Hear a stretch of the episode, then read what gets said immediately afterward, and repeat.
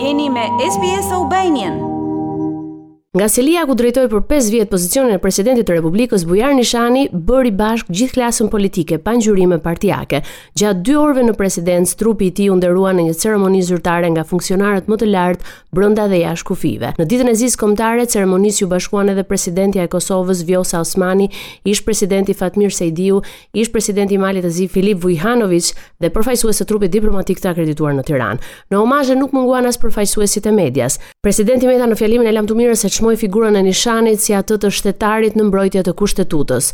Humbje për shtetin shqiptar e cilësuan ndarjen e parakohshme nga jeta të ish kreut të shtetit edhe ish presidentët e Shqipërisë të Kosovës, Alfred Moisiu dhe Fatmir Sejdiu. Me respekt për kontributin që dha në ushtrimin e detyrës së presidentit folën edhe dy krerët e grupeve parlamentare Balla dhe Alibeaj. I mbështjell me flamurin kombëtar, arkmorti me trupin e pajetë të ish-presidentit pas homazheve në sallën Skënderbeu është vendosur në oborrin e selisë së presidencës ku dhe u mbajt një minutë heshtje. Më pas, shoqëruar nga një kortezh i gjatë familjarësh dhe personalitetesh, trupi i tij u përcoll gjatë bulevardit Dëshmorët e Kombit deri tek ura e Lanës, ceremonia e varrimit është përmbyllur në Sharrë, ku edhe prehet tashmë trupi i ish-presidentit Nishani. Në fjalimin e fundit të lamtumirës, Sali Berisha, i cili i besoi jo pak detyra të rëndësishme, nuk i përmbajti dot lotët për humbjen e parakohshme nga jeta të një prej bashkëpunëtorëve dhe miqve të tij më të mirë. Lamtumirën e fundit ish-kreut të shtetit ia dhanë në varrezat e Sharrës, ku do të prehet dhe trupi i tij. Ish-presidenti Nishani ndërroi jetë në moshën 56 vjeçare në një spital në Gjermani pas një sëmundjeje të rëndë në mushkëri. Nga selia e OKB-së në New York, kryeministri i vendit Edi Rama gjatë fjalës në debatin e hapur të Këshillit të Sigurimeve të OKB-së mbi llogaridhënien ndërkombëtare, vendosur në rendin e ditës nga Shqipëria si një ndër prioritetet e programit të vendit tonë në këtë këshill, është shprehur se krimet e luftës nuk mund të mbeten pa ndëshkuar.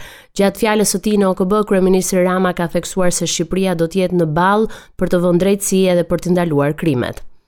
Kërkesa e dakordësuar mes Shqipërisë dhe Greqisë për t'iu drejtuar gjykatës së Hagës për zgjidhjen e çështjes së detit nuk do të dorëzohet përpara gushtit. Ministri grek Dendias pas vizitës në Tiranë në një intervistë për mediat greke deklaron se pengesë është bërë presidenti Meta, i cili nuk jep autorizimin e nevojshëm për të nisur kjo procedurë. Në lidhje me këtë deklaratë të ministrit të jashtëm grek, ka reaguar dhe presidenti i Republikës Meta, i cili përmes një konference për shtyp ka thënë se Kryeministri i vendit Edi Rama nuk ka paraqitur asnjë kërkesë për autorizim në lidhje me kërkesën e çështjes së detit mes Shqipërisë dhe Greqisë.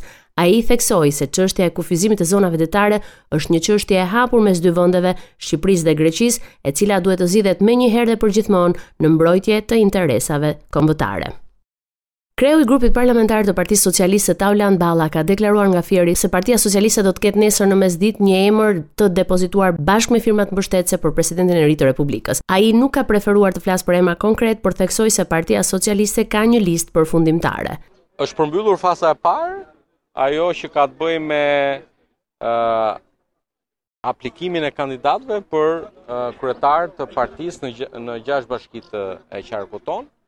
Është një proces që do thoja unë uh, shumë i hapur. Kjo konfirmohet nga dhe numri i lartë i kandidaturave në në të gjithë qarkun 77 kandidatura për në gjashtë bashkitë. në bashkinë më të madhe, bashkinë Fier janë 17 kandidatë, të cilët kanë aplikuar, pra kanë paraqitur interesin e tyre, natyrshëm që pas kësaj mbledhjeje të Këshillit Koordinativ të Qarkut, ku jemi njohur me kandidaturat, është komisioni i posaçëm i ngritur nga kryesia e Partisë Socialiste, i cili, i cili do të bëjë vlerësimin e dokumentacionit, përputhshmërinë, pastërtinë e figurës dhe, dhe të gjitha të tjerat që janë kritere të nevojshme dhe të domosdoshme për të vijuar garën më tej.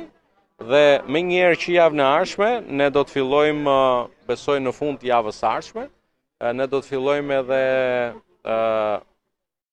paraqitjen e kandidatëve përpara asambleve socialiste të bashkive. Pra, Marrë si shembull kandidatët e Mallakastrës do të dalin para asamblesë së zgjeruar të bashkë të, të bashkisë Lushnje, të bashkisë Mallakastër, ku do të paraqesin secili prej tyre platformat e tyre, do t'i përgjigjen pyetjeve Dhe në këtë mbledhje Komisioni i Posaçëm do të paraqit do të bëjë edhe një raport vlerësimi për secilin prej kandidatëve edhe në refleksion të asaj që do të diskutohet në asamblenë.